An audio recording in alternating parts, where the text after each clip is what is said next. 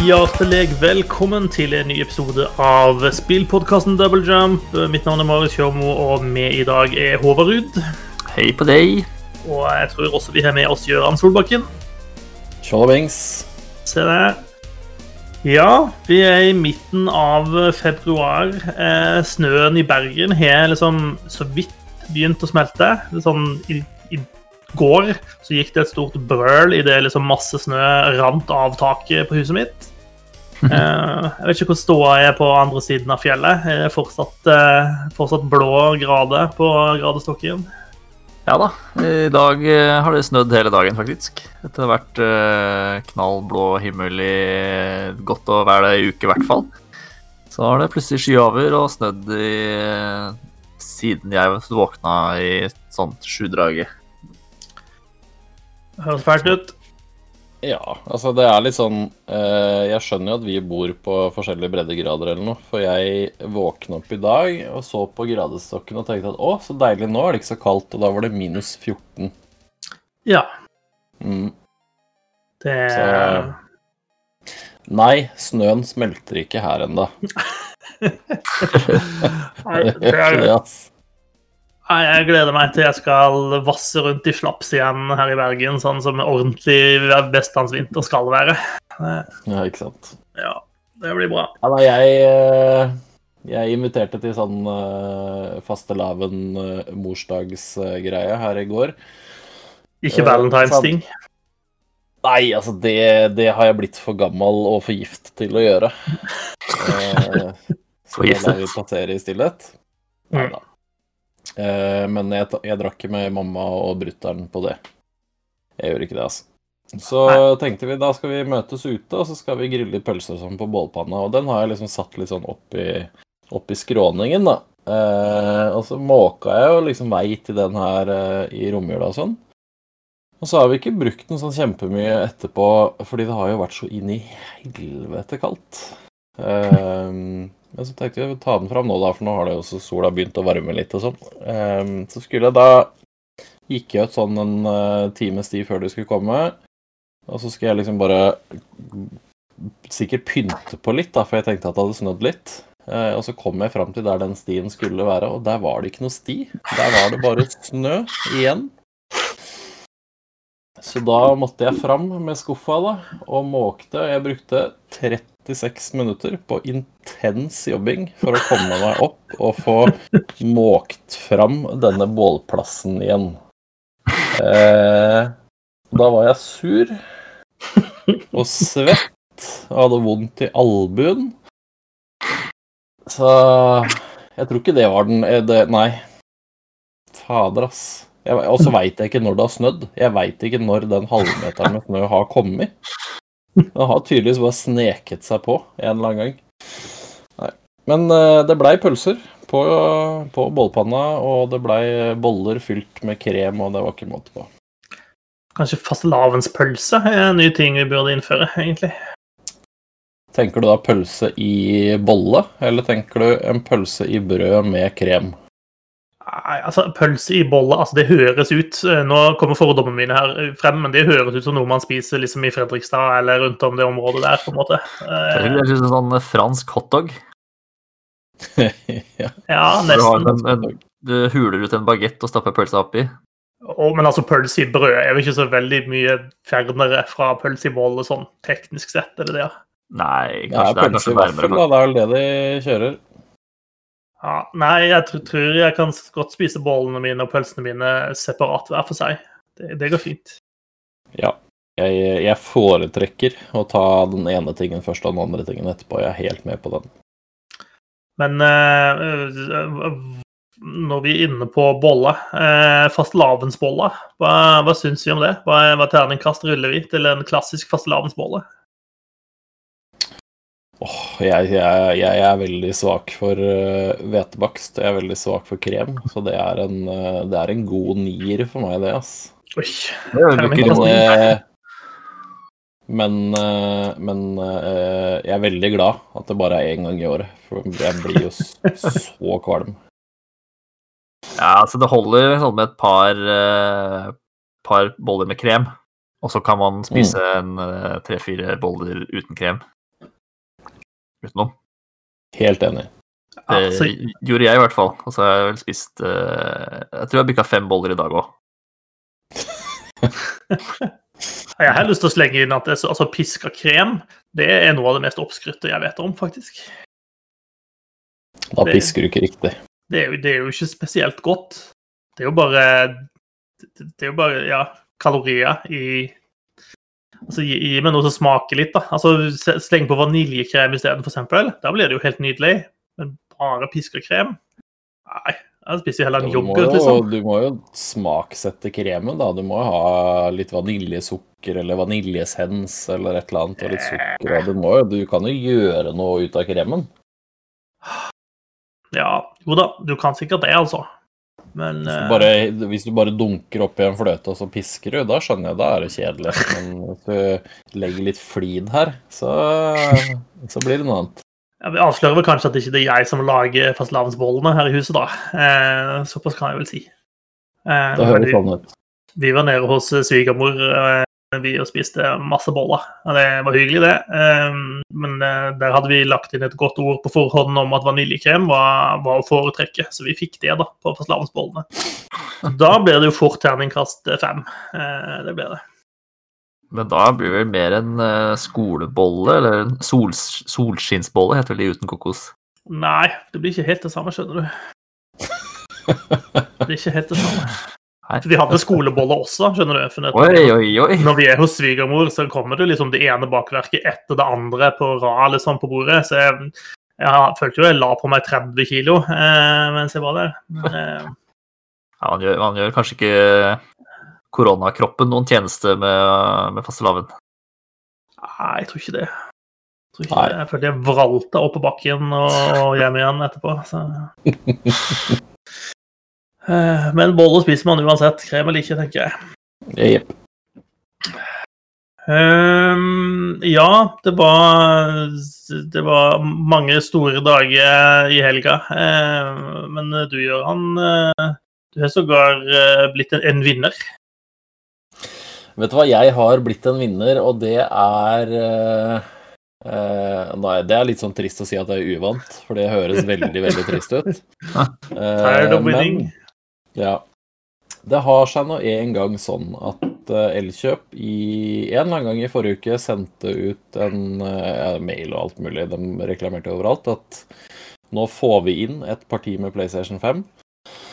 Og de skulle da eh, prøve å unngå disse scalpersa, skal, skalperne, eh, ved at de, de satte utkjøps, altså utsalgsprisen til eh, 99 999 kroner, og så kunne du melde interesse for denne eh, for å få kjøpt det her, og hvis du ble trukket som en av de heldige som da fikk muligheten, så fikk du en kode på e-post som du la inn, og så ble da prisen justert ned til riktig, riktig, riktig utkjøpspris. Du vant rabattkode rabatt på 95 000. Ja. ja. Det var en pen god rabatt. Det er god rabatt. Veldig, veldig god. Så jeg tenkte ja, ja, shit, la gå. Jeg har jo egentlig ikke tenkt at jeg skulle kjøpe en PlayStation 5 òg, men jeg må jo bare, jeg må jo bare slenge inn eh, kort i, i hatten. Um, så jeg sendte inn, eh, sendte inn en mail, og Eller eh, logga meg inn på den brukeren min, og så sa jeg at jeg er interessert. Og jaggu, jaggu, så fikk ikke jeg en e-post dagen etter om at gratulerer, du har blitt valgt ut til å kjøpe en PlayStation 5 med diskdrev. Det var det de fikk. Ja da. Da var jo eh, eh, Gleden var veldig, veldig stor et, et kort øyeblikk før jeg kom på at shit, dette har jeg ikke prata med kona om. Dette er ikke i noe budsjett akkurat nå. Men eh, hun skjønte dette like godt som meg, at det her, eh, dette er kult. Eller det er gøy for deg, men ikke for meg. Eh, så jo da, jeg bestilte rett før helga. Eh, og så sto den som reservert veldig, veldig lenge, syns jeg. Eh, men eh, fikk jeg mail i går om at eh, sendingen blir hentet fra lageret vårt i dag, og så kom den på posten i dag. Jeg har fulgt med på Posten sine nettsider og mest sannsynlig forsinka den en god del i løpet av dagen i dag. Sto at den egentlig skulle komme i morgen, men jaggu dukka den ikke opp på bunnpris på roa klokka halv fire i dag, så ti over halv fire så var jeg på butikken. klart å hente den. Det var eh, eh, Ja, jeg, jeg blei ganske sånn barnslig glad for å kjøpe meg en konsoll. Jeg blei det, altså. Det var, eh, det var sånn at jeg satte meg ned i sofaen og hadde PlayStation ved siden av meg, liksom. Sånn eh, Kom hit, kjære venn, så skal vi bare sitte og nyte øyeblikket litt. Eh, jo, så den eh, PlayStation 5 er i hus. Jeg er en av de heldige. Det føles som jeg er en del av en sånn hemmelig, hemmelig klubb, nesten. Men det begynner jo å bli en del nå.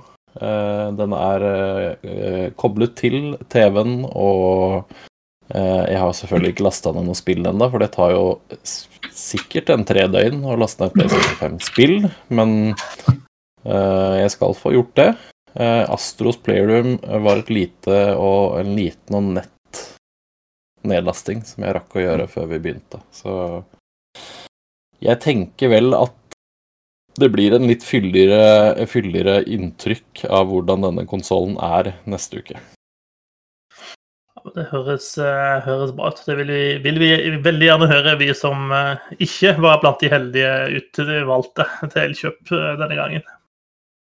Nei, jeg Skulle jo ha litt flaks- òg, da, fordi selv om de prøvde å unngå scalpers, så lot jo ikke de seg stoppe. Det er jo en eller annen kødd på Twitter som var lagt ut at han kjøpte eller la inn 30 000 lodd i denne trekninga, eh, og fikk lov å kjøpe Fikk bare lov å kjøpe tre. Så interessen har jo vært uh, det, det har vært mange om beinet, da. Men nå har vel både Elkjøp og, um, og Power har vel sagt at uh, de skal gå gjennom alle bestillingene manuelt for å sørge for at ingen får kjøpt mer enn uh, mer enn én hver per husstand. Ja. Power de hadde en annen eh, vri på dette. De bare la det ut uten å gi beskjed til noen at de la det ut, de. Eh, og det, det er litt spent på den gjennomgangen de skal ha i etterkant, for eh, mye tyder jo på at eh, scalpers var Altså disse bottene til scalperne var litt mer klar enn den gjengse nordmann, når det plutselig bare ble lagt ut eh, PS5 til salg på power.no, liksom. Ja. Ja. Ikke så overraskende. Ikke så overraskende. Nei, det var eh, Jeg tror jeg var heldig der, altså. Men det virka jo som om de faktisk gikk gjennom, for det her Jeg gjorde dette kjøpet på eh, Jeg tror det var torsdag at jeg fikk det godkjent og fikk lagt inn. Og ja, det var jo ikke før søndag at den blei liksom bekrefta og pakka og, og sendt. Så det pleier jo ikke å ta så lang tid til vanlig. Så det har jo vært en eller annen prosess der imellom. Mm. Så det, men det var deilig. Da er jeg også en del av denne neste generasjonen med konsoller. Eh, Velkommen skal du være. jo, jo, takk. Nå blir det 4K-gaming over en lav sko her, altså. Nå skal jeg hoppe på superspill som Godfall i første omgang, tror jeg. For det Det har jeg en kode liggende til, og det er vel et av ikke veldig mange sånne rene PlayStation 5-spill. Så da får man jo se litt, da. Hva som egentlig er. Yes, nei, Spent på å høre hva du synes om den. Ehm, Jeg lurer jo på om, om det var mulig å faktisk kjøpe den for 99 000 for oss andre, da, hvis vi hadde lyst på. Om vi hadde fått lov til det. Ja, det er jo Det, det, det veit jeg faktisk ikke om de hadde åpna for eller ikke. Det er jo Det er mange med mye penger her. Ja, ja. Ja. ja men greit, det blir spennende. Da blir det Godfall og Astros Playroom og litt sånne ting etter hvert. Ehm, Ja da, jeg skal nok få testa, testa maskina. Den er, eh, den er godt plassert liggende i hylla, fordi jeg har en sånn TV-benk med litt sånn plass på sidene, men eh, den var for høy for å stå på, ved siden av. Så da ble den lagt inn i, inn i hylla. Den er, ja, ikke, den, den, er ganske- sånn, den er sånn 2,5 meter høy, er den ikke det? Den PlayStation 5? Jo, altså, den gikk, den rakk meg til skulderen cirka når den var ferdig montert. Ja, ja. Mm. Nei, den er ikke, den er ikke Jo da, den er, den er selvfølgelig større enn en eh, PlayStation Pro, som jeg hadde, men eh, eh, det er ikke Det går helt fint. Jeg syns ikke han er så stygg som mange skal ha den til, men eh, ja.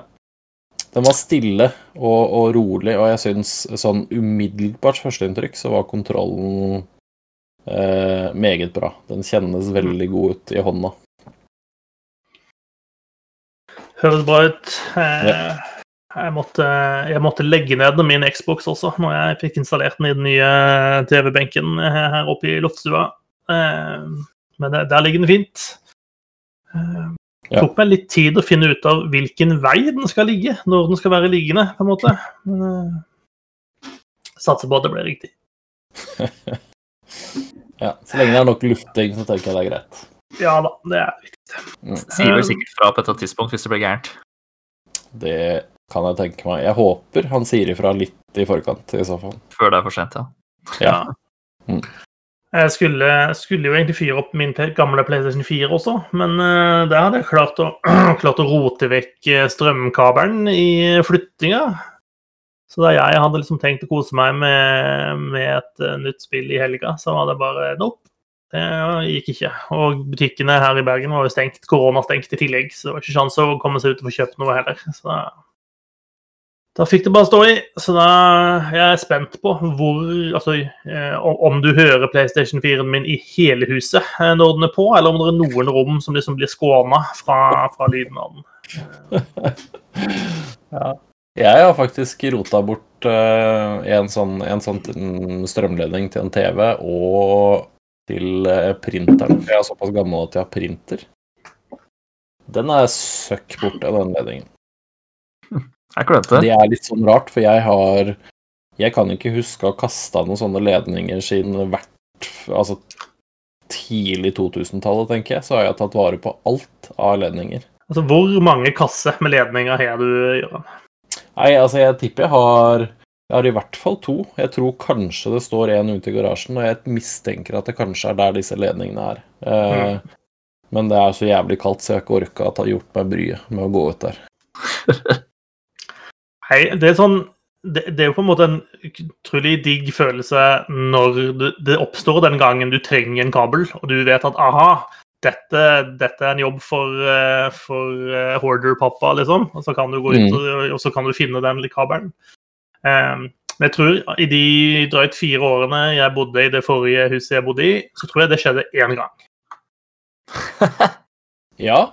Ja. Eh, jeg jeg veit ikke om jeg kan huske engang jeg, at jeg har eh, vært oppi noen av disse ledningseskene mine. Eller for så vidt, altså, for jeg er også den typen da som eh, når jeg får, nå, som, nå som jeg fikk da PlayStation 5, så tar jeg selvfølgelig vare på esken. Ja. Eh, det gjorde jeg til PlayStation 4, jeg gjorde det til Xbox, jeg gjorde det til PlayStation 3 og til Switch. Når jeg flytta nå for ikke så veldig lenge siden, så flytta jeg disse eskene tomme.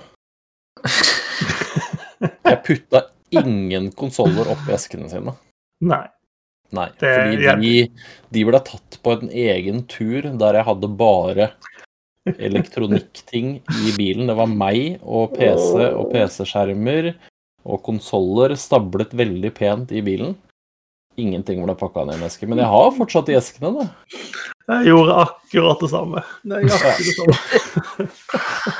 Men én ting jeg gjorde, var at jeg hadde tatt vare på eska til den digre, digre TV-en jeg har stående her. Den var nyttig til å frakte TV-en i, det skal sies. Ja, det, det kan jeg se, eh, faktisk. Så det var den eneste av alle de eskene jeg har tatt vare på, som faktisk kom til sin rett når vi flytta. Og så har jeg eh, Jeg tror ikke jeg overdriver hvis jeg sier at jeg har sikkert seks sånne iPhone- eller Samsung-esker. Seks eller sju. Uten telefoner, for telefonene er knust eller ødelagt eller borte eller hva som helst. Eskene har jeg. Og derfor Dette er grunnen til at du måtte kjøpe nytt hus. Yes. Få plass til alle eskene og ledningene. Det verste Det verste er Nå håper jeg håper ikke kona mi hører på denne episoden her, men jeg kasta det ikke nå heller når jeg rydda. For jeg rydda faktisk gjennom ganske mye av det her nå, da jeg innreda nytt kontor. Jeg kasta ikke en eneste eske. Nei, jeg hadde faktisk gjennomgang når vi flytta nå, og kasta veldig masse ledninger. Det aller meste av ledninger kasta jeg. Men nå ser du jo hvor jeg er hen, da. Nå står jeg her uten ledning til PlayStation 5, nei, PlayStation 4, og så har jeg ingen ledningsarkiv å gå inn i lenger. Så Der ser du. sånn kan det gå. Det var ikke smart. Skulle ta vare på alle ledningene. Dette er skrekk, skrekkhistorien, det, som gjør at jeg aldri kommer til å kaste noe sånt. Altså, jeg, tror, jeg, tror, jeg hadde sånn gamle sånn LANT-kabler. Tror jeg jeg hadde sikkert nok til å strekke meg halvveis til månen. Eh, eh. Ja, nei, greit. Åh, vi går, går videre. Eh, gamle gubber må få lov til å samle på kablene sine hvis de vil, tenker jeg. Jeg har faktisk esken til Wii U i boden, men det, Wii U-en ligger oppi, da, så jeg har liksom brukt den. Ja. ja, det er ikke verst. Det er nyttig. Mm. Men det, er sånn, det, det, å kaste eskene er på en én ting, men, men, hva gjør dere med, med gamle konsoller og sånt, da? Altså Fordi jeg har jo også liggende masse gammel, gammel Wii og sånne ting som jeg, jeg kommer jo aldri til å installere den, sette den opp og bruke den noen gang, men, men jeg kaster den jo ikke. Nei, for tenk om. Det kan jo hende. Plutselig får du lyst til å spille Wii. Ja, altså jeg Nå når jeg flytta, da, så har jeg faktisk eh, Jeg har innreda et lite sånn uh, lite sånn nerdeskap bak meg på kontoret. Der har jeg litt sånn rollespillbøker som jeg syns ser kule ut. Og så har jeg en Nintendo 64 og noen av de boksene til den stående. Noen gamle PC-spill. Og så har jeg faktisk Jeg har pakka resten ned i noen plastesker. Så, jeg, så nå har jeg faktisk tatt ordentlig vare på det. De gamle konsollene som jeg ikke bruker. Mm. Ja, for man kan jo ikke kaste det. Nei. Er du litt som med bøker? Du kaster jo ikke bøker, liksom. Nei, nei, nei. Gjør ikke det. Altså. Åh, huset fullt av dritt. Eneste løsningen er å bare kontinuerlig kjøpe større, større og større hus. Ja. Sånn, sånn fikser vi det. Det er løsningen. Skal vi, eh, skal vi snakke om spill, eller? Er det, vi, er det det vi gjør? Ja, det, det, jeg tror det er i hvert fall litt av grunnen til at folk av og til hører på oss, da. Noen ganger så hender det. Ja. ja. Eh, Ja. Og litt sånn, hva, hva har vi spilt eh, i det siste, da? Du hadde jo ikke rukket å spille noe på PlayStation din, Gøran, men eh, har du trykka på noe annet de siste uka? Ja, ja, jeg har eh, en, litt, litt mer stille uke har det vært for meg nå. Jeg har uh, Skal vi gidde å si alle de spillene vi trykker på hver uke, eller er ikke det noe poeng lenger? Uh, jeg har selvfølgelig plukka litt videre på Path of Exile, men det har jeg allerede prata om uh, nok. Uh, ellers så har jeg um, Jeg har begynt å spille Final Fantasy 7 igjen, for jeg var ikke 100% ferdig med, med det spillet. Eh, og så har sønnen min i mellomtiden har da spilt det. Han har lånt, uh, lånt PlayStation min og, og, spilt det, og runda det, og syntes det her var kjempegøy. Det er han, han sønnen min på, på 13 år. 13. Nå ble jeg usikker. Det er så kleint å bli usikker på alderen til barna dine. jeg skal dobbeltsjekke med kona di etterpå, jeg. Så det, ja, jeg gjør det. Mm. Ja, jeg gjør det.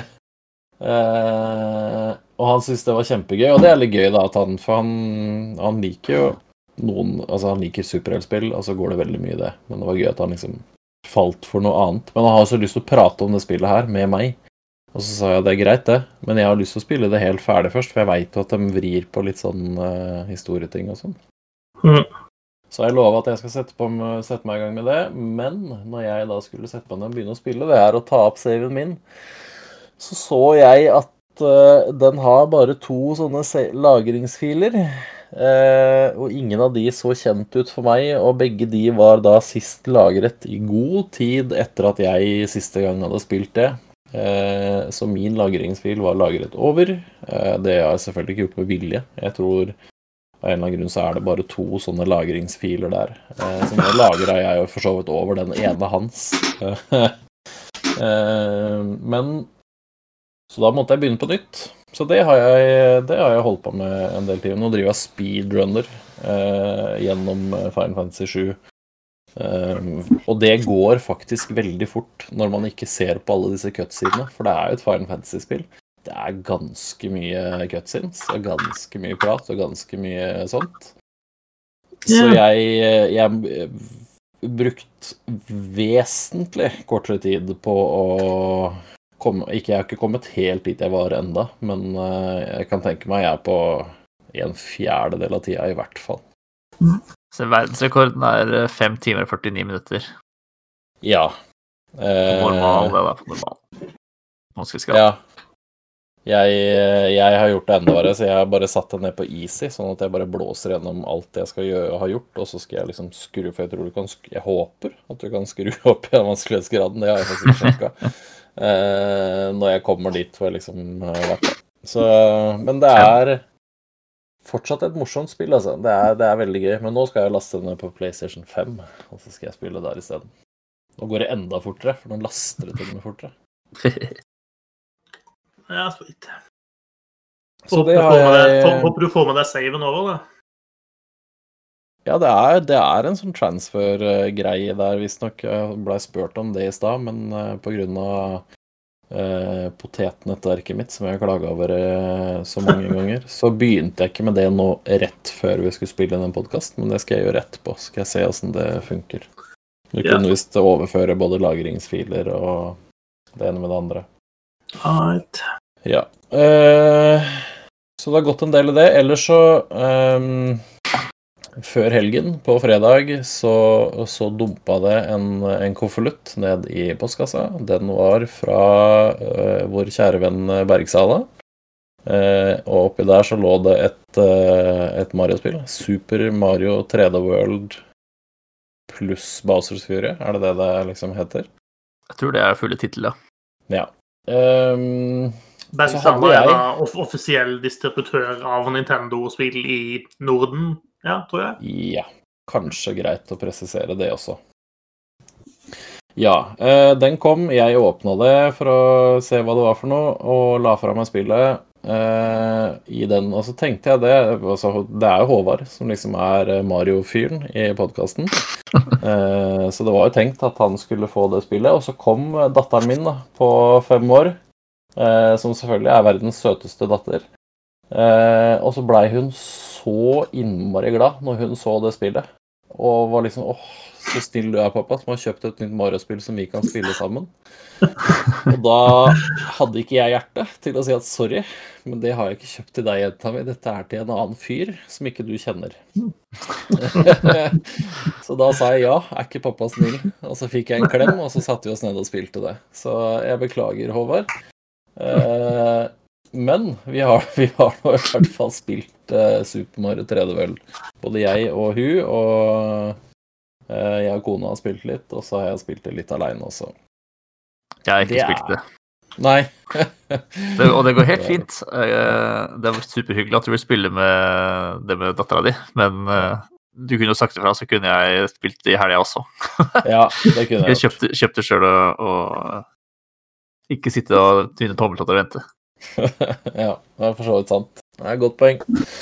Eh, jo da, så det har jeg spilt. Jeg har ikke, jeg har ikke testa den nye altså Basers Fury eh, Er det en utvidelse? Jeg har ikke liksom sett så mye jeg, på jeg tror det er en sånn, sånn tilleggsgreie.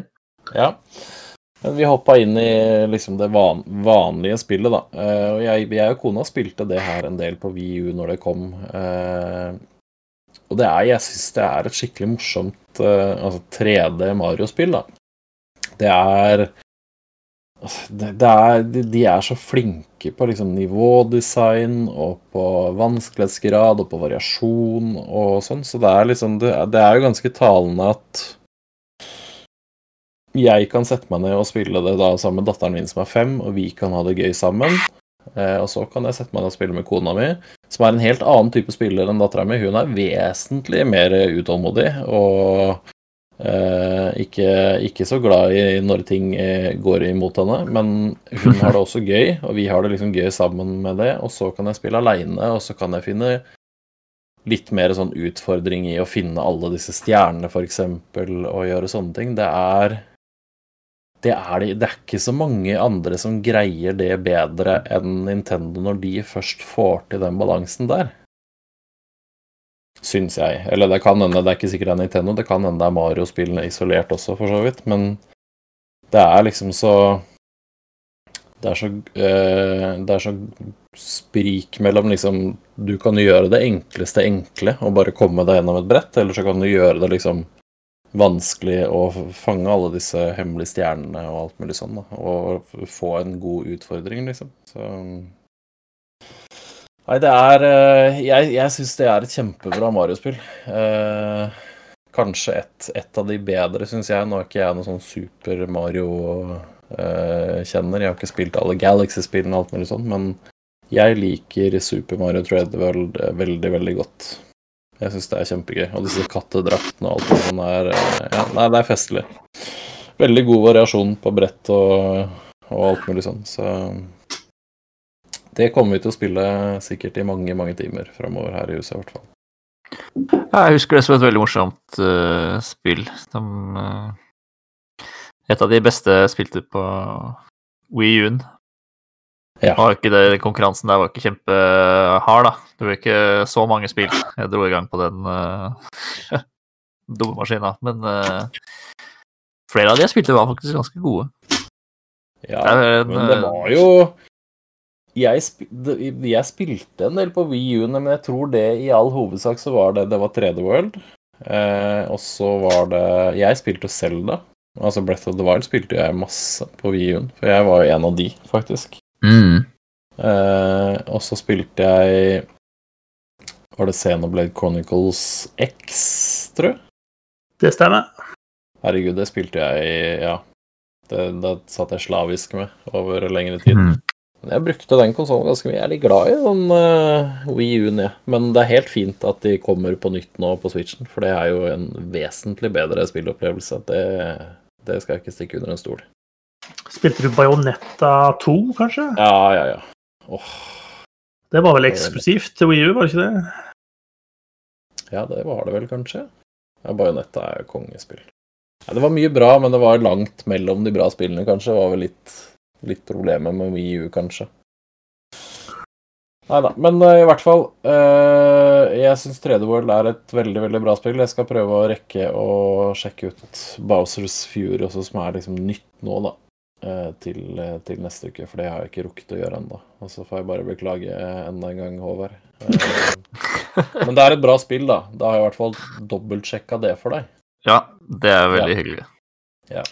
Syns i det minste kunne Håvard få lov å komme og spille sammen med dattera di. Uh, det er det absolutt åpning for. At det kommer noen som er liksom Mario-ekspert inn i huset her, det hadde jo bare vært en drøm, da. Da, da er ikke jeg så kul lenger, vet Og ta med pølse, så blir det fest. Altså, vi vet jo for så vidt hvem Håvard er, for jeg prøvde å forklare henne det en gang, at det var Håvard som, eh, som, ga oss alle disse, alle disse turnipsene og pengene i Animal Crossing. Men det var ikke så farlig, for hun var egentlig bare mest opptatt av alle kjolene hun kunne kjøpe for disse pengene. ja. Mm. Jeg har jo faktisk møtt dattera di en gang. Da Jeg tror hun sov for det meste. Hun lå i en vogn. Ja, da var hun ikke mange måneder gammel, det stemmer det. Da var vi på Engedalsdagene. Ja, ja, ja. Det var tider, det. Du skal ikke kimse av Engedalsdagene, Altså. Det har vært nei, mange, nei, store, mange store celebriteter der. DDE sto på scenen det året vi var der samtidig. Ja, det stemmer faktisk. Kjørte autopilot, de. ja, det tror jeg er trygt å si at de gjorde. ja da. Nei, eh, Super Mario er et bra Mario-spill. Det er ikke så mange dårlige Mario-spill, men eh, jeg vil si at det er et av de bedre. Det er kjempegøy. Mm. Kan melde om at Engerdalsdagene stiller i ny drakt fra 2021. Oh, ja. mm, store forskjellene vil merkes på dagtid. Gratis ja. inngang, temadag, kirkekonsert, pubaften. Ja da. Altså, den pubaften går jo i gjetord om den pubaften på Engedalsdagene. Den er eh... Den er fæl. Ja. 29. juli til 1. august 2021. Ja. Jeg får håpe de får gjennomført det, da. Ja. Det ble avlyst i fjor. Det er liksom ikke Ja, det er ikke jeg, jeg, tror jeg er ganske trygg på at det ikke er så mange fra Engedalen som hører på den her. Det er ikke så mye annet som skjer i Engedalen annet enn Engedalsdagene. Det er det ikke. Så jeg får håpe de får gjort det. Nei da, vi spora litt av der. Uh, ja. Det er vel stort sett det jeg har uh, spilt i. Altså, jeg kan ta en lang og inngående forklaring på, på den nye ligaen i Path of Exile enda en gang, ja, altså, eller fortelle om den nye bilden min, hvis dere vil det. Men uh, tenker det for uh, Det kan kanskje hvile for denne gang. ja, jeg tror vi lar lar det hvile. Ja, jeg jeg har ikke spilt noe særlig nytt denne uka. Det er stort sett bare gamle travere det har gått i. Jeg kan jo si jeg, kom på jeg dro opp eh, Hva heter det, da? Det er zombiespillet på Xbox og på GamePass. Uh, State of Decay 2. Um, for det er jo ute det, det fortsetter de jo å gi ut nytt innhold til, sånn der er jo en del ting i det. Jeg tenkte at det hadde jeg ikke spilt på den nye Xboxen. Så jeg lasta det ned, og det gikk jo som en drøm, det. og Fikk det ned kjapt og enkelt, og syns det er så utrolig greit at med en gang jeg åpner det, så står det bare 'synking', og så tar det nøyaktig 0,3 sekunder, og så har den da lasta inn alt det jeg gjorde på den gamle Xboxen. Uten at jeg trenger å gjøre noe som helst av kobling eller noe sånt. Det, det, dette er liksom brukervennlighet jeg kan sette pris på, altså. Sånn vil jeg ha det. Eh, Så deilig. var Ja, det er helt åh, det, Dette er fremtiden, folkens. Det er det faktisk. Eh, men eh, spillet i seg sjøl er jo håper jeg, stort sett sånn som det var sist jeg spilte. da. Jeg hadde det jo oppe etter den hva det heter, Apocalypse Edition, eller noe sånt noe den heter, kom, kom ut. Eh, og det er, er mye kult innhold der, syns jeg. Så det, de fortsetter å rulle ut litt sånn forskjellige ting til det. Så jeg har ennå ikke spilt ferdig den nye sånn kampanjemodusen de kom ut med. Eh, for det gikk så fryktelig dårlig forrige gang jeg prøvde den. Eh, så jeg skal, skal gjøre det etter hvert også. Men eh, i mellomtida så kan vi glede oss til treeren eh, skal komme ut. For jeg hadde en ganske raff trailer når det ble annonsert i fjor. Så jeg er spent på. Stemmer det. Mm. Ellers er det de gamle traverne det har gått i hos meg. Jeg vet ikke, Det er kanskje litt det samme hos deg, Gøran? Nei, Håvard? Ja, i grunn. Uh, litt mer Hyrule Warriors, litt uh, Super Mario Galaxy. Uh, har spilt litt uh, The Medium, som er eh, denne ukens, eller denne gangens bokklubbspill. Mm. eh, som vi skal snakke mer om eh, neste uke. Så jeg skal ikke si eh, så mye uten at jeg prøver å pine meg gjennom, da. Jeg er ikke så stor fan av skrekkspill at det gjør noe. Er det, sitter du med liksom eh, sofaputa klar, eller? Nei, så, så pinglete er jeg ikke, men uh, Jeg liker å Jeg kan godt kose meg under et pledd uh, og sånn, ja. Det kan jeg godt gjøre. Right. Puta går bra, med en pledd, det, det må man ha. Ja, Ja, men det er først og fremst fordi er, jeg bor i en veldig kald leilighet. ja, da pleier det å hjelpe med pledd. Ja, men bra. Jeg har jo også starta på The Medium, så det skal vi ta og prate om, eh, om neste uke. Eh, Mm. Det blir kult. Eh, Men vi kan jo kaste oss på litt nyheter og litt eh, Det skal vel være BlizzCon snart, skal det ikke det? Det er på fredagen starter det. BlizzConline. Åh, hva det, ja. BlizzCon Line, ja. Okay. Ja, for det kan jo ikke være et uh, fysisk arrangement, selvfølgelig, så da er det flytta ut på verdensveven. Jeg tror de kunne, de kunne gjort det uten å ha et sånn dårlig ordspill på det, da, men uh, OK. Ja, det kan man jo alltids uh, Ja. snakke om. Men i hvert fall klokka 11 eh, fredag kveld, da begynner åpningsseremonien, som ofte er det aller mest interessante på BlizzCon. Eh, hvor eh, Ja, de viser av nyheter og nye ting som kommer da i spillene sine, som World of Warcraft, Heartstone, Diablo, Overwatch. Um, ja, nå ser jeg nå faktisk at det mangler en Heart uh, Nei, hva heter den? Heroes of the Storm. Og Starcraft har ikke sin egen uh, sånn slott, faktisk. Det er en egen som heter Strategy, da, så kan de har slått sammen uh, der. Mm. Um, men det ser ut som det kanskje blir litt sånn uh, kjedelig BlizzCon, i hvert fall for oss som er mest interessert i Overwatch 2-nyheter. Ehm, Over- det ble jo nylig sagt at Overwatch 2 kommer ikke i år. Kommer Eh, det- med Diablo, vel? Samme med Diablo. Eh, så liksom det du får av Overwatch-innhold på BlizzCon eh, til helga, er en behind the scenes of Overwatch 2. The Voices of, uh, of Overwatch. Og så noe Crafts with Zoe. OK. Ja, altså, Zoe er jo veldig hyggelig, da. Ja, ja, ja, hun er kjempemorsom og kjempeflink, men Crafts with Zoe, så jeg vet ikke helt hva det er. Uh, men jeg ser for meg et uh, behind the scenes of Overwatch 2. Det er liksom 40 minutter hvor de kanskje de viser fram hvordan de pusser opp uh, noen figurmodeller og sånne ting, sikkert.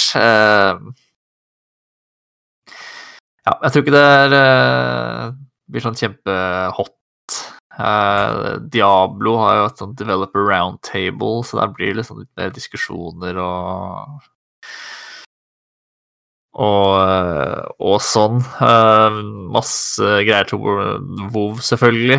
Uh, det er jo en relativt ny utvidelse der som skal fylles på med, med innhold i Jeg vet ikke hvor lang de livssyklusene er, men de snakker vel sikkert om andre halvdel av den livssyklusen eh, i år, tenker jeg, og så vise fram en ny utvidelse neste gang, sikkert.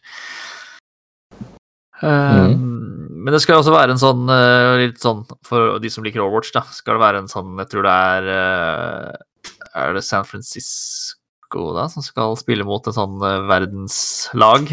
Ja, Shock versus the world. Det, det høres jo ut som det kan bli gøy, da. Ja, det blir en sånn showmatch. eh, Det pleier jo å være, være artig. Eh, Det blir vel en, eh, en online-versjon, dette også, men eh, ja. Ja, sikkert. Sikkert gøy, men det er sånn Ja. Altså, BlizzConline ja, Nei, jeg kommer ikke til å fortsette å kalle det det. Eh, em, har jo pleid å være et sted hvor de liksom slipper store nyheter og sånt, og mye tyder jo på at det ikke er noe særlig å slippe i år. Mm. Eh, jeg vet ikke om vi får noen liksom glimt da, av hva Overwatch 2, Diablo 4 eller whatever eh, kommer til å, å ha, og hva som er neste i World of Warcraft og sånt, men ja, det føles ja, litt som at de mangler en del krutt i kanonen i år, da. Ja, det virker jo liksom de er lenger på Diablo 4 enn de er på Overwatch 2. Fordi Diablo har en sånn What's Next-greie, men det kan også være det mobilspillet, da. Ja, At det det er, kan Jeg husker ikke hva eh, undertittelen på det er, men at det er, det er What's Next i Diablo. Uh, you guys got phones, don't you? Så det Ja, nå har du hatt noen år på det til å skaffe dere telefoner, så ja. nå kan dere ikke bli sure. Uh, Så det Jeg spørs tipper, tipper kanskje at de uh, Altså, jeg veit ikke om de slipper Diablo Immortal heter det mobilspillet. Immortal er det. Ja. ja. Jeg, jeg veit ikke om de slipper det, men jeg tipper det i hvert fall kommer en demo av det. Mm. Eh, Det tror jeg nok det gjør, for det er såpass lenge siden nå. Jeg veit de har hatt ganske De har vel hatt flere runder med sånn lokka beta, og det har vært streamere som har fått lov til å teste det og sånn, så der tipper jeg det kommer til å skje noe. Eh, Jeg tror kanskje de kommer med en lanseringsdato for Diablo 4. Og så tror jeg de kommer til å gi en dato for en betatest der også. Det tror jeg, for jeg tror de må komme med det nå, for den eh, Sjøl om Diablo 4 ikke kommer i år, Ja, det tror jeg. skal de ha beta i nær framtid. Ja, det tror jeg. Jeg tror de kommer til å Altså, det kan godt hende betaen ikke før, blir før til høsten, liksom. Det Ja. Ja, det kan hende, det. Jeg tror, jeg tror de er i en sånn situasjon at de må De må på en måte drip-feede noe til, til forbrukerne sine, for Diablo 3 er mer eller mindre dødt. Det er liksom eh, Det er så vidt det holder seg flytende, og de, de liksom sesongene de har i Diablo 3, er, det er så tynt med innhold at det er nesten flaut sett opp mot Path of Excel, da, som er den ene store liksom konkurrenten der. Ja. Så jeg, jeg, tror de, jeg tror de er nødt til å gjøre noe. Så tror jeg det er helt rett i at de har kommet lenger på Diablo 4 enn enn Overwatch 2, faktisk. Jeg blir, veld, jeg blir veldig overraska hvis hvis de skulle snu om og gi ut noe mer Overwatch 2 før Diablo 4. For det er såpass Det har vært såpass uh, lenge oppe, og de har liksom vist gameplay allerede, og det er sånn. Så jeg tror Jeg tror det. Jeg tror det kommer en dato der, og så tror jeg det kommer en beta. Så tror jeg Jeg tror mobilspillet ikke er veldig langt unna, Mm. faktisk. Mm. Så det er spennende å se om det kommer noe Om det kommer noen Diablo 2-nyheter. For der har de jo fått inn disse uh, Vicarious Vision, er det det det heter? Ja. Som ble kjøpt opp, og som skal pusse opp uh, Diablo 2. Visstnok. Jeg vet ikke om det er bekrefta, men det er vel alle vet vel at det er det de skal gjøre. Så spennende om det kommer noe nytt der også. Det kan hende det er litt tidlig. Eller så kan du også få med deg De har fått inn eh, Critical Role-gjengen til å kjøre en slags Diablo-kampanje. Det kan jo godt være at det er artig. De er jo stort sett kjempeflinke i alt de gjør, syns jeg. Så Ja, det er eh, Ja, de er, de er gode på det de gjør. Det er veldig artig Mm. å få med seg om man liker rollespill eller ikke rollespill, så er det en det er, det er stort sett alltid en veldig morsom opplevelse å se de gjøre de tingene sine. Yep. Det er sånn vennegjengen du skulle ønske du hadde, på en måte. ja. Og så er det litt sånn uh, Det er veldig urettferdig, men det er liksom DM-en man skulle ønske man hadde innimellom òg, for han uh, Mercer er flink til å Ja, jøss. Gjøre ting, men han har flinke spillere med seg også, så Mhm. Ja, det er eh, Man skulle gjerne ha blitt invitert på den første festen deres, der de, der de begynte å spille Dungeons and Dragons. Ja. Yes, nei, men uh, vi får se, da. Hva, vi får ta en, en recap i neste sending på hva vi fikk se eller ikke fikk se uh, på BlitzCon, da. Jepp. Det hadde vært gøy å få sett noe fra Wars 2, i hvert fall.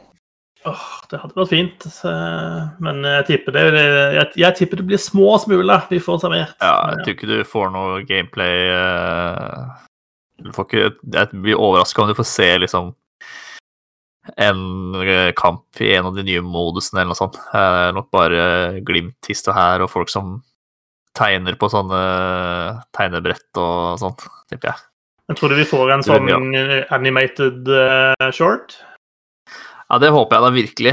Uh, de må liksom dryppe noe til Overwatch-community nå, fordi eh, jeg ser sånn på Reddit og sånn at det er mye utålmodige folk der som uh, ikke syns noe om at de liksom de Med den liksom annonseringa Overwatch 2 hadde forrige, i forrige gang, Mm. og så har det vært helt knust siden da. Eh, og liksom, Det skal ikke komme noe mer innhold til Overwatch 1, ingen helter. Liksom. Vi fikk et sånt deathmatch-kart her eh, forleden, da, men hvem bryr seg om det? Ja. Uh, så de, jeg håper liksom det kommer med noe sånn Med noe, da, for å liksom fiffe opp Overwatch 1 litt, rann, om det er et sånn system for uh, community-turneringer eller eh, et eller annet. Eh, Jeg, jeg, jeg kan slenge en brannfakkel spådom. Jeg tror de kommer til å si at Overwatch blir free to play. Å, fy faen. Please no. Det er nok smurfer i det spillet som det er. Ja, jeg sier ikke at jeg ønsker at de skal gjøre det, men eh, Ja. jeg tror kanskje de kommer til å gå i den retningen. Ah, Yikers. Ja, jeg har sett noen som mener det. Jeg har sett, uh... fordi Overwatch 2 skal ha litt sånn uh, PVE-kampanjeinnhold, uh, som da sikkert blir betalt, og så kan du spille PVP gratis. Mm. Jeg har sett flere som, eh, som sier det samme, men eh, Nei, da vil jeg heller ha en, en tegneserie, altså ingenting for Overwatch 2, enn eh, enn at det skal bli gratis. Ja, vi Det koster jo ingenting i utgangspunktet, det er jo på salg hele tiden. Du kan få til 150 spenn eller noe sånt. Ja, det er i hvert fall billig nok til at folk har råd til å kjøpe seg nye og nye kontoer. i hvert fall. Ja. Ja nei, vi får se. Klokka 11 fredag kveld. Bare å benke seg. Yes. Så Eh, noe, utover natta, selvfølgelig. noe annet du kunne se, eh, hvis du fulgte med for en fire-fem dager siden, var Epic Game Stores Spring Showcase 2021. Var noen av dere som satt oppe og fulgte med, eller? Nei, det gikk meg hus forbi, gitt. Alle på klokka alt mulig. Alle fikk jo med seg det. Ja, nei, det Den kom og gikk litt uten uh, noe sånn veldig stor fanfare, syns jeg. Uh, og liksom Jeg tror ikke det var nok uh, kioskveltere av noen overskrifter som liksom kom fra ut av det heller. Um, det var litt sånn Kingdom Hearts-serien kommer til Epic Game Store for første gang på PC. Det er jo kult. Eh, det blir da i, i slutten av mars. De annonserte at Axiom Verge får en oppfølger, Axiom Verge 2, og at den blir Epic Games eh, Store eksklusiv, eller i hvert fall på PC. Eh, så var det en del Det var litt sånn Fortnite-innhold, det var litt eh, sånn Magic the Gathering-ting. Eh, noe Rock, Rocket League-event. Ja. Så ble det vist en del indiespill. Uh, Chivalry 2 fikk launch date 8. juni. Ja Jeg vet ikke, jeg. Det var Ja. Det er vel omtrent der man er, er det ikke det? Jo, jeg føler det, altså. Det var sånn jo da, det ble vist frem litt ulike indiespill som vi fikk se, og det var en del spill som fikk en dato. og Noen spill som kanskje bare blir tilgjengelig på Epic Game Store, eller i hvert fall i en begrensa periode.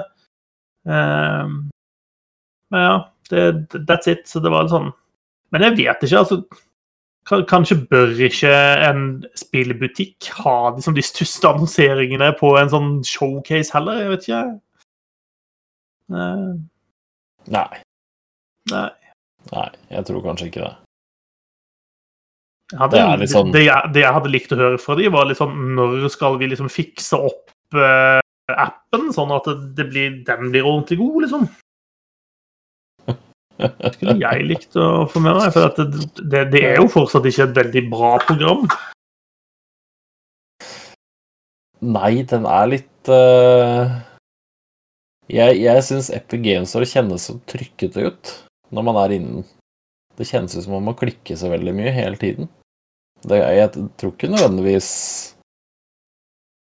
Jeg er ikke sikker på om Steam er noe bedre, men det bare kjennes verre ut i Epic Games Store. Kan hende kanskje han er treigere, jeg veit ikke. Men jo, det er jeg helt enig i. Det det er ikke en optimal spillapp. Det er ikke det, altså. Nei, på ingen måte. Det er for så vidt ikke Xbox sin heller, men Xbox sin blir stadig bedre. Det skal de ha.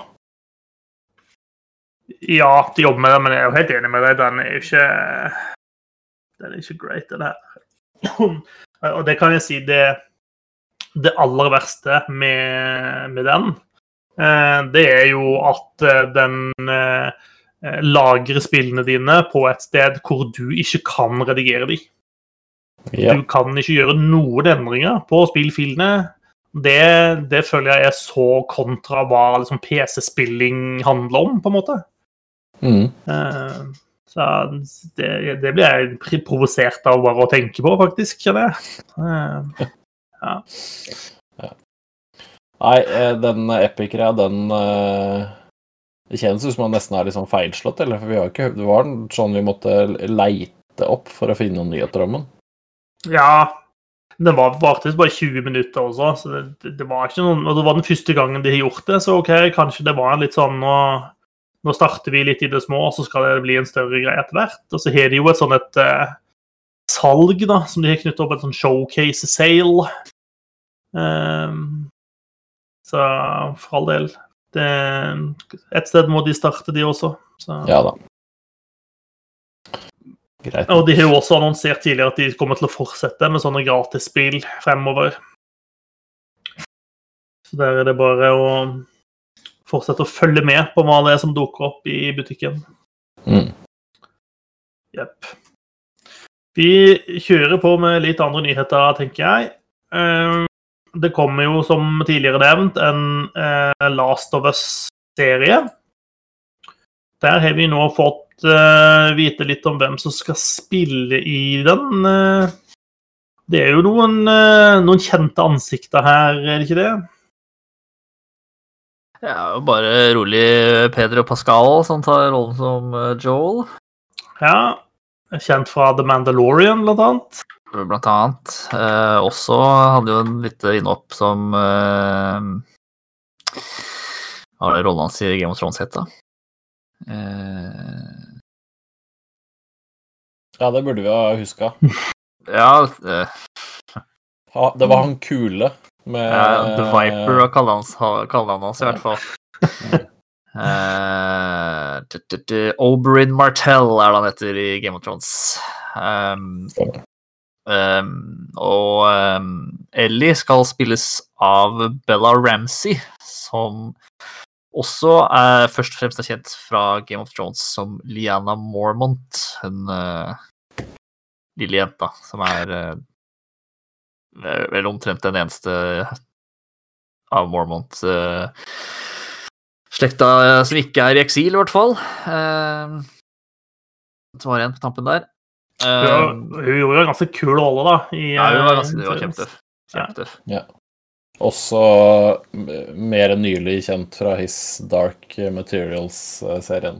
Aha, Sesong ja, to, det er- vel å merke. Der er hun også med. Hun er flink. Hun, jeg synes det der Jeg likte den castinga der veldig godt. Jeg syns det der blir eh, Det blir spennende å se. åssen det Mm. blir. Det er Mm. kule, kule skuespillere i de rollene. Jeg er spent. Eh, men vi fikk også litt innblikk i andre roller eh, til eh, Det kommer jo en Borderlands-film. Ja. Og der er det, har de ikke spart på på en måte store navnene heller. Der skal vi få Kate Blanchett, vi skal få Kevin Hart, Jamie Lee Curtis og eh, Jack Black er kasta til å spille Claptrap. Som kan passe bra fordi Claptrap er utrolig irriterende, og det er også Jack Black ganske flink til å være. Så Ja. Det, altså det, det renner jo bare på seg med, med spillting som blir TV-serie eller filmer nå. Det er vel eh, ja, Last of Us, og det er uh, Borderlands, og det skal vel bare noe Fallout-greier skal vel også komme nå. og Det er jo Herregud. Alt skal bli TV nå. alt skal bli TV nå. Ja da. Det er jo litt sånn ting som har vært spill som skal på skjermen, har jo hatt en lei tendens til å bli kansellert før de kommer så langt, da. Men eh, Ja. akkurat disse to prosjektene ser jo ut til å, å bli noe av, i hvert fall. Veldig spent på Altså eh, eh, Last of Us-serien, den har ingen problemer med å se at det kommer til å bli bra, bra greie, liksom. Eh, men altså Borderlands-film, der er litt mer sånn hva, hva, hva skal dette være for noe? Jeg har ikke sånn kjempetro på den uh, akkurat. Nei, men det er litt sånn uh, Tales from the Borderlands er, eh, det er Den er skikkelig morsom, altså. Den, den spillserien der, Ja. faktisk. De episodene. Der får man noe litt Det er jo litt mer enn sånn Altså Det er jo Telltale som har lagd det, liksom, så du skjønner jo åssen type spill det er. Det er begrensa hvor mye spilling, egentlig. Og det funker veldig bra, faktisk, akkurat der. Så det, det går an å det går an å lene seg på personer og, og historie også i Borderlands, men jeg er helt enig i det, at av de prosjektene, så er jeg litt Ja. Jeg er mest spent på den. ja. Vi får se hvordan det blir. Jeg, kanskje, vi, kanskje vi kan gå på kino og se den en gang når det kommer. Det hadde vært hyggelig. Ikke Lenge, lenge, siden jeg har vært på, lenge siden jeg har vært på kino. ass. Oh, ja. Jeg så Tenet i sommer, men uh, det var også den eneste filmen jeg så på kino i 2020. Ja. Apropos Tales from the Borderlands, ja. Den er tilbake i butikk, de digitale butikkhyllene. Der den har vært vekke i to år. ja. Um, ja, for den var, det også noe som var litt sånn fanga opp i den uh, Telltale-konkursen? Uh, som gjorde at det var en del spill som forsvant uh, ut av butikkhyllene rundt forbi. Men Det eh, har vært kom, et voldsomt, voldsomt sånn rettighetsrøl, hele det greiene der, tror jeg. Ja. Men eh, nå er den visst tilbake igjen, så da, hvis du ikke fikk det med deg forrige gang, så kan du eh, kaste deg utover det nå. Og Kanskje kan det være smart, så du er påkobla før filmen kommer ut. Da kan du være klar. ja, ikke sant. Nei, jeg beklager. Jeg, den historien i Borderlands den bryr meg midt på ryggen. Altså. Det må jeg bare innrømme. Men, men jeg har ikke spilt uh, Telltale-spillet, da, og det, det kan nok godt tenkes at eh, kanskje jeg hadde blitt litt mer engasjert hadde jeg spilt det spillet. Det Ja, nei, jeg, jeg, jeg har spilt mye Borderlands 3, i hvert fall. Eh, jeg kan overhodet ikke fortelle deg historien der. Nei. I veldig grove trekk så kan jeg fortelle at det er to veldig irriterende tvillinger som er slemme, og så skal du ta dem. Høres ut som en film, det. Borderlands 2 er vel et eh, Det er en eller annen skurkete type som du til slutt skal uh, Ja. Jeg liker disse, disse dyptgående deep, deep cutsene våre her inne i Borderland Law. Det kan jeg sette pris på. Mm. Er Jeg har, jeg har ikke- spilt uh, Borderlands 2 helt ferdig, faktisk. Jeg tror jeg er ganske nære. Men uh... Hvordan vet du at du banker opp skurken? Nei, det vet man jo ikke, da. Men det er, Ja. så, med, så vidt jeg husker, så driver vi og nærmer oss. Right. Vi fikk en release date på Ratchet Clank Rift Apart. Det skal komme 11. juni, eh, eksklusivt på PlayStation 5. Um, et spill som uh, i stor grad har blitt hypa pga. Liksom, teknologien. Da. At den liksom skal spille, bruke de nye mulighetene til denne generasjonens uh, konsoller. Eh, det er et spill som da ikke kom ut på PlayStation 4, f.eks. Og hvor du Det heter jo Rift Apart fordi man driver og reiser igjennom noen sånne Ja, da blir det noen sånne tears i reality. Eh, som man da sømløst driver og, og, og reiser igjennom. Eh, så det Ja. Jeg har også ikke vært sånn veldig på Ratchet Clank-spill tidligere, men eh, fra et sånn rent teknisk perspektiv så har det de har vist frem så langt, vært veldig imponerende. Så jeg er veldig spent på å se hvordan, eh, hvordan det ser ut eh, når det kommer. Mm. Ja, det ser gøy ut. Det de har vist, ser morsomt ut. Men det må jo være noe mer enn bare å se den kule tekken her. Ja da, for all del. Det er sikkert noen kule våpen og sånt inni der, vil jeg tro. Det pleier å være kaotisk og morsomt. Ja, og det er vel er det Insomniac som lager det, er det ikke det? De er jo generelt flinke, Jo. så Det er det. det, det kan jo bli bra. Ja. Eh, er det noen av dere som husker et gammelt spill som aldri kom ut, som heter Six Days in Fallujah? Jeg husker det. Hadde Ja. du spurt meg for noen dager siden, så hadde jeg sagt nei. Men uh, ja, jeg gjør det. Nå Ja. gjør jeg det. Ja, eh, det var et eh, spill som var satt til Irak-krigen. eh, Var under utvikling på midten av 2000-tallet. Eh, Tok utgangspunkt i da The Second Battle of Fallujah. Og det ble en veldig stor sånn mediestorm rundt det spillet. Litt fordi at det var Ja, jeg skal ikke komme med noen sånne dype forklaringer på det her, det, det er det nok skrevet oppgaver om, men eh, det ble i hvert fall veldig tett på det som skjedde i virkeligheten, da, på en måte. Altså, Én ting er å lage spill om, om å skyte nazier for, eh, for 80 år siden, men eh, eh, å lage et spill om amerikanske soldater si, et par år etter eh, det, dette skjedde, da, eh, det falt i veldig dårlig jord, eh, spesielt i, eh, i Amerika. Ehm, og det kom veldig masse altså spi- Spillutviklerne ble sånn fanga i en sånn ond sirkel egentlig av dårlig medieomtale som, som ikke handla om spillet i det hele tatt. Um, altså de ønska jo å lage et spill som var eh, kritisk til eh, liksom krig, og eh, man liksom skulle få et innblikk i hva som faktisk foregikk og sånt. Eh, men ble på en måte tatt for å bare skulle liksom forherlige vold og krig, og, og dette var så fælt. Eh, Så det endte i hvert fall med at utgiveren trakk seg fra prosjektet. Spillet ble stående uten utgiver, og endte jo til slutt med å, å bli, at man stoppa utviklinga på det. For det var ingen som, som ville ta i det lenger. Eh, og det, ble, det kom en sånn stor metadebatt i ettertid om ja, men kan ikke spill ta for seg kritiske ting om hva som foregår i samfunnet vårt. eh, Hvorfor, det, hvorfor kan på en måte filmmedier gjøre dette, men ikke spillmedier osv. Men nå er har Six Days in Fluja litt sånn gjenoppstått som eh, Phoenix fra asken. Eh, Det er et nytt studio bestående av veteraner fra Destiny og Halo eh, som har gått inn i dette. Eh, Highwire Games heter de. Um, så de mener å ha, ha dette på rett kjøl, uh, og mener at det spillet skal være klart til å release allerede senere i år. Um, så det blir jo veldig spennende å se da, hva, hva det spillet blir når det, når det kommer ut. Er på en måte, Ja. det var en kjempesnakkis for lenge siden, og så ble det aldri noe av. Og så, så nå er jeg litt sånn interessert i å se hva, eh, hva Hva var det egentlig vi gikk glipp av, på en måte? Ja, det blir, det blir spennende å se om det liksom Om det har en plass i, i spillverdenen nå eller ikke.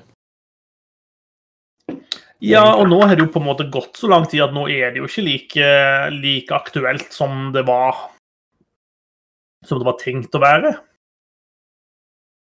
Nei. Så er det dette med politikk i spill, da. Om det er riktig eller ikke. Yeah, politics in my games. Yeah. Fy og fy. Ja, nei, stikk kan vi ikke ha. Nei.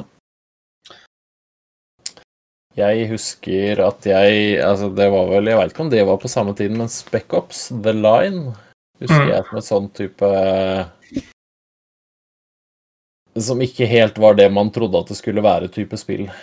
Jeg vet ikke om det er fra samme Nei, det var vel fra mye seinere, det må ha vært. Ja, det kom i 2012. Ja, da, hadde, en, da hadde det spillet vært lagt ned for en stund siden. Ja. Det kjennes det kjennes, Ja, alt kjennes lenge ut når det er seinere enn i forrige uke. Nei, jeg veit ikke helt, jeg. Jeg har ikke noe Jeg, har, jeg husker eh, såpass dårlig at jeg hadde faktisk ikke huska det hvis du hadde spurt meg for noen dager siden, men nå har jeg selvfølgelig lest disse nyhetssakene. Men uh, ja, det blir spennende å se. Det er jo eh, Om ikke annet så er det gode navn på blokka, i hvert fall. De har god erfaring i, i utviklerteamet, ser det ut til. Mm. Men eh, ja, det blir spennende å se. Det er spennende å se hva det liksom vil med det. Skal det være bare et straight up shooter-spill, liksom, eller skal, de, eller skal de prøve å liksom vise noe ordentlig fra hva som skjedde, eller hva er liksom greia der?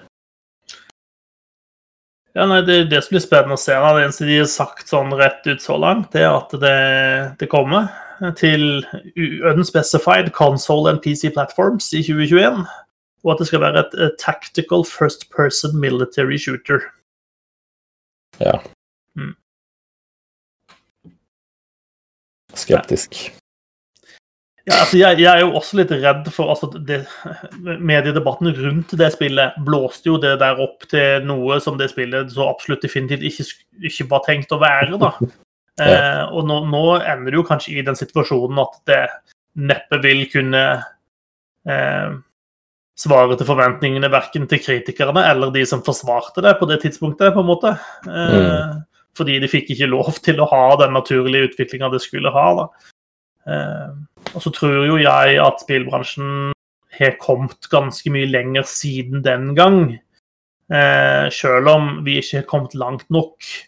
Eh, og det er jo et spørsmål om vi kunne ha kommet lenger i dag hvis det spillet hadde fått komme ut da, når det skulle. Men, eh, men det får vi aldri vite. Men uansett, det, det er for oss som er litt sånn opptatt av, eh, av spillbransjen og, og utviklingshistorien av dataspill og sånn, så er dette uansett eh, en sånn eh, litt sånn rar kuriosa som jeg definitivt har lyst til å ha med meg og se hva, hva ble av dette her. Ja, absolutt. Det har jo en historie som få andre spill har, i hvert fall. Og det er ikke bare Six Days in Fallujah som uh, reiser seg fra graven i 2021, det skal også etere gjøre. Etter å ha ligget med brukket rygg i 2020 og har vel uh, hatt litt sånn nedadgående kurve i noen år før det også, kanskje. Um, de har i hvert fall sagt at uh, de skal komme litt som Hva het de dagene dere møttes på borte på Østlandet der? Engerdalsdagene. Å ja. ja. Ja. Engerdalsdagene. Ja, det var dit du skulle. Jeg visste Ja. ikke helt hva du sikta til. Ja, nå. Litt som Engerdalsdagene, så skal også E3 komme i ny drakt i 2021. Eh, ja. Spørs om du kan måle seg med Engerdalsdal, da. Ja, Ja, det- det det er spørs. ja. Det spørs. eh, I, det skal bli en online only-event, har de sagt. Og de har sagt at de er, altså ESA som arrangerer dette, er transforming the E3 experience eh, for 2021. Hva nå enn det betyr. Altså har de ikke gitt noe særlig detaljer om hva som skjer, annet enn at de snart skal komme med detaljer om hva som kommer til å skje. Det er viktig å komme med en uttale om at de snart skal komme med en uttale. Sånn er det. det der er altså Ja. Hei, dere folkens. Vi skal snart fortelle dere noe. Vi skal bare fortelle dere at vi snart skal fortelle dere noe. Og Det som jo er interessant, er at i, i 2020, når, når E3 var borte, så dukka det jo opp andre ting. Eh, Geoff Keeley arrangerte jo en sånn Summer Gamefest, og han har bekrefta at eh, det blir Summer Gamefest også i år. Så da blir det et spørsmål hva, hvor går de ulike utviklerne for å fortelle om sine spillnyheter, og om man får igjen en diskusjon hva skal E3 egentlig være for noe? Ja, jeg syns jo Altså, du kan si hva du vil om eh, Jeff Keeley, da, men jeg syns jo han Han har gjort en del bra ting for å holde liv i liksom den eh, den derre Ikke pressekonferansegreiene, kanskje helt, men altså den derre nyhetsgreia som har vært rundt spillmessene, da. Den syns jeg han har greid å flytte, liksom, og dra med seg litt digitalt. På en annen måte enn Altså, etere har jo ikke gjort det, så jeg vet ikke. Det blir spennende å se om digitalt etere har noe plass i det hele tatt, eller om, eller om Keeley sine ting kanskje Kanskje har tatt over litt, eller ikke. Jeg veit ikke. Nei, altså, det er litt sånn um, Det å arrangere fysisk E3, det er en stor og dyr og diger greie å gjøre. Det tror jeg ikke nødvendigvis at noen andre kan bare komme inn og gjøre bedre enn det ESA har gjort eh, i, i mange år. Nei, det Men- tror ikke jeg heller. Men hvis det skal være en online-event, så er det slett ikke gitt at eh, det er det ESA som kommer til å gjøre best. Det er jeg temmelig sikker på at de ikke er, faktisk. Ja. Så, men, vi får se. Men uh, det, det kan jo være vi går mot en ganske sånn kaotisk uh, sommer med spillnyheter i år også, da.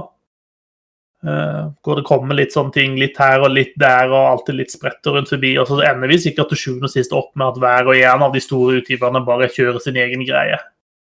Så får vi EA-dagene og Ubisoft-dagene og Microsoft-dagene hver for seg, liksom. Hadde vi noen sånne Sony-dager i 2020?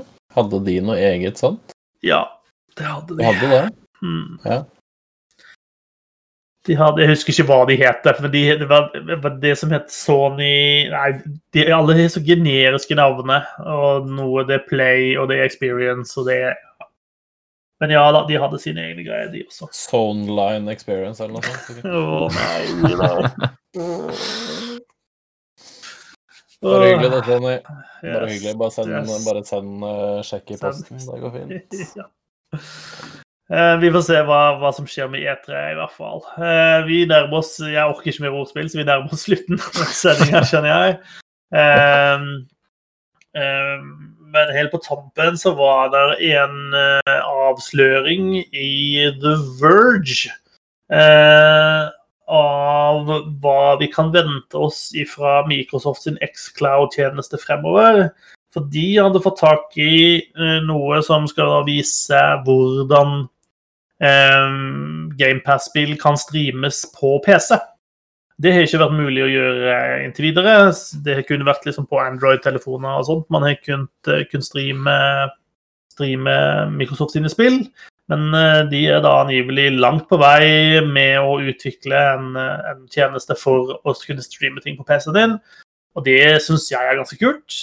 De, de bildene som de har sluppet av dette, ligner jo ganske mye på hvordan Stadia ser ut.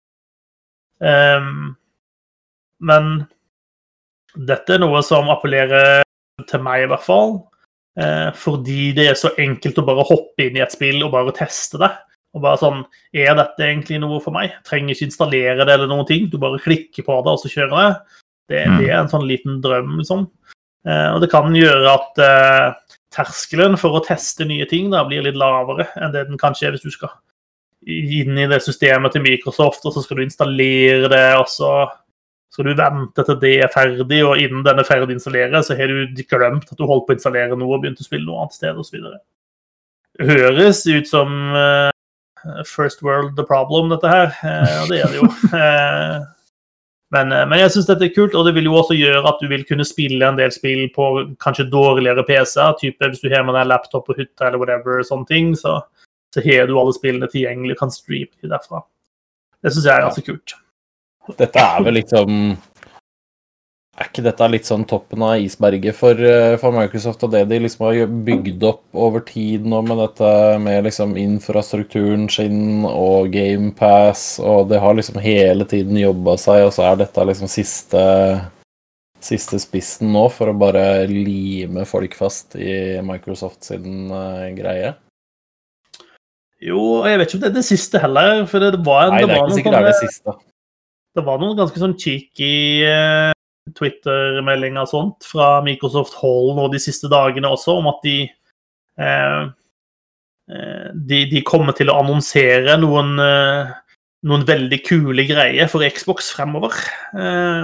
Dette er jo helt sikkert en av de, da, men ja, jeg, tror de, jeg tror egentlig Xbox er på en god plass akkurat nå. Og de tror jeg har en ganske sånn klar plan da, for, for, hvordan de vil utvikle tjenestene sine, og, og, hva de ser for seg.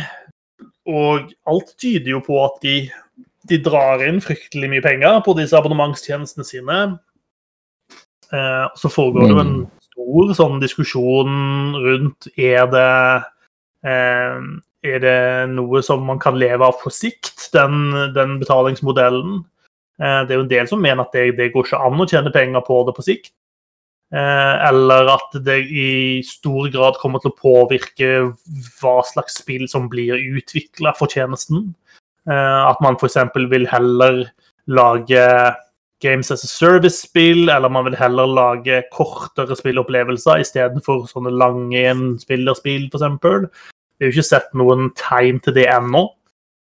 Eh, det er litt sånn Fremtiden får vi ikke se før den kommer, men jeg tror Xbox-eiere, og, og, for så vidt dette er jo eh, De som abonnerer på GamePass, også uten Xbox, eh, vil jo kunne kose seg med dette når det kommer. Så jeg tror det er gode ting i vente der også. Og det er jo fint for oss andre som ikke får lov å kjøpe en PlayStation 5 ennå også. Absolutt. GamePass er uh en så latterlig god deal at uh, du er uh, Det er dumt å la være. Ja. Da er vi ved veis ende denne uka også. Vi klarte å presse ut uh, litt preik også denne uka. vi holder på å spille The Medium. Det kan du gjerne spille med oss hvis du vil.